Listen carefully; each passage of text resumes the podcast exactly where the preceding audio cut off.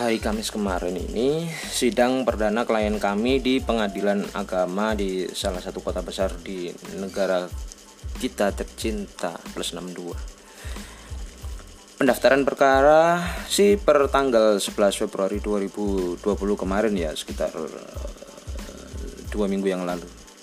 Kasusnya tentang perceraian yang di yang dilatar belakangi KDRT dan perselingkuhan ya alasan klasik dalam perceraian. Tidak ada yang spesial tidak ada yang menarik tidak ada yang wow gitu.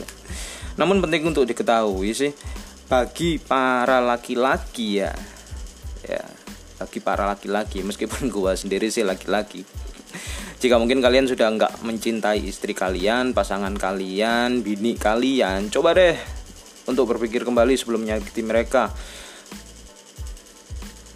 Kalian tuh dikasih kekuatan, dikasih kekuatan lebih oleh Tuhan yang Maha Esa untuk melindungi, bukan untuk memukul. Bukan untuk memukul. Kalian kalau pengen main tinju ikut aja tinju daripada mukul istri kalian. Gila sih untuk kasus ini. Nih nih nih ya nih ya. Ada cowok nih ada cowok sudah nggak nafkain istri nggak nafkain lahir dan batin suka main tangan suka main selangkangan. Tapi pada saat si istri ini ingin mengajukan gugatan cerai ke pengadilan si suami ini nggak mau menceraikan. Fuck. Gila gak tuh?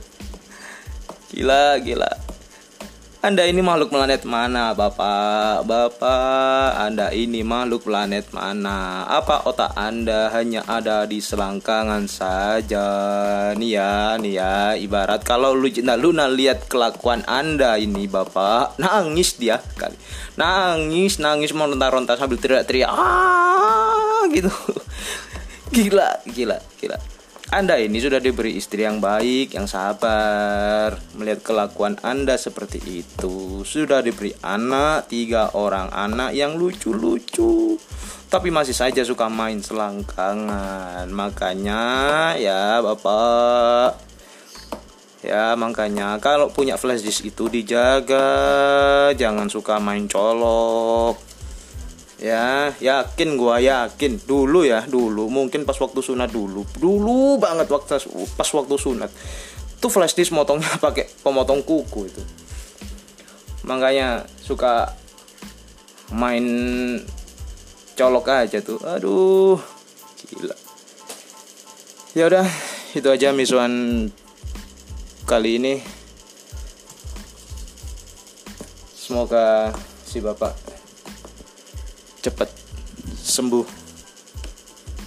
Sekian dan